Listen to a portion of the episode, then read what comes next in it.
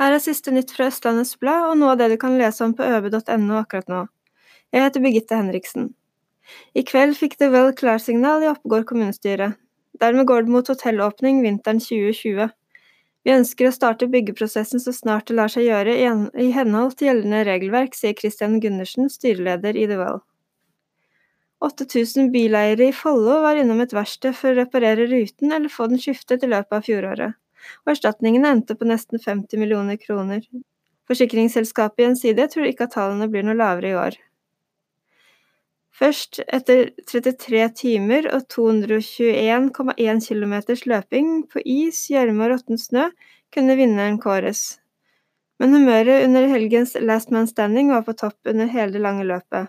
Les mer og se bildene på oblad.no. Lørdag er det Karjolenfest, hvor Åge Steen Nilsen med venner byr på et partykonsept spesielt for anledningen. Dette kommer til å bli århundrets mimrefest, lokker Arve Moi og Per Haukeland. I over to timer lå Odd Christian Øvergaard hjelpeløs ute på isen i minusgrader før han fikk hjelp. Nå vil han takke sine gode hjelpere for at han ikke frøs i hjel. Det sto kun noen minutter, sier 87-åringen. Nå kommer de nye bomstasjonene rundt Oslo. Heldigvis blir det en løsning for pendlere på Rosenholm. Likevel er det ikke alle som setter pris på de nye bommene.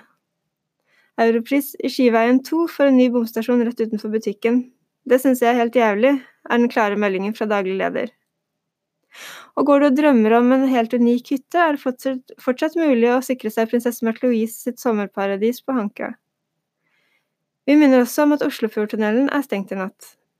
Husk at du får full tilgang til alt innhold på oblad.no i fem uker for fem kroner.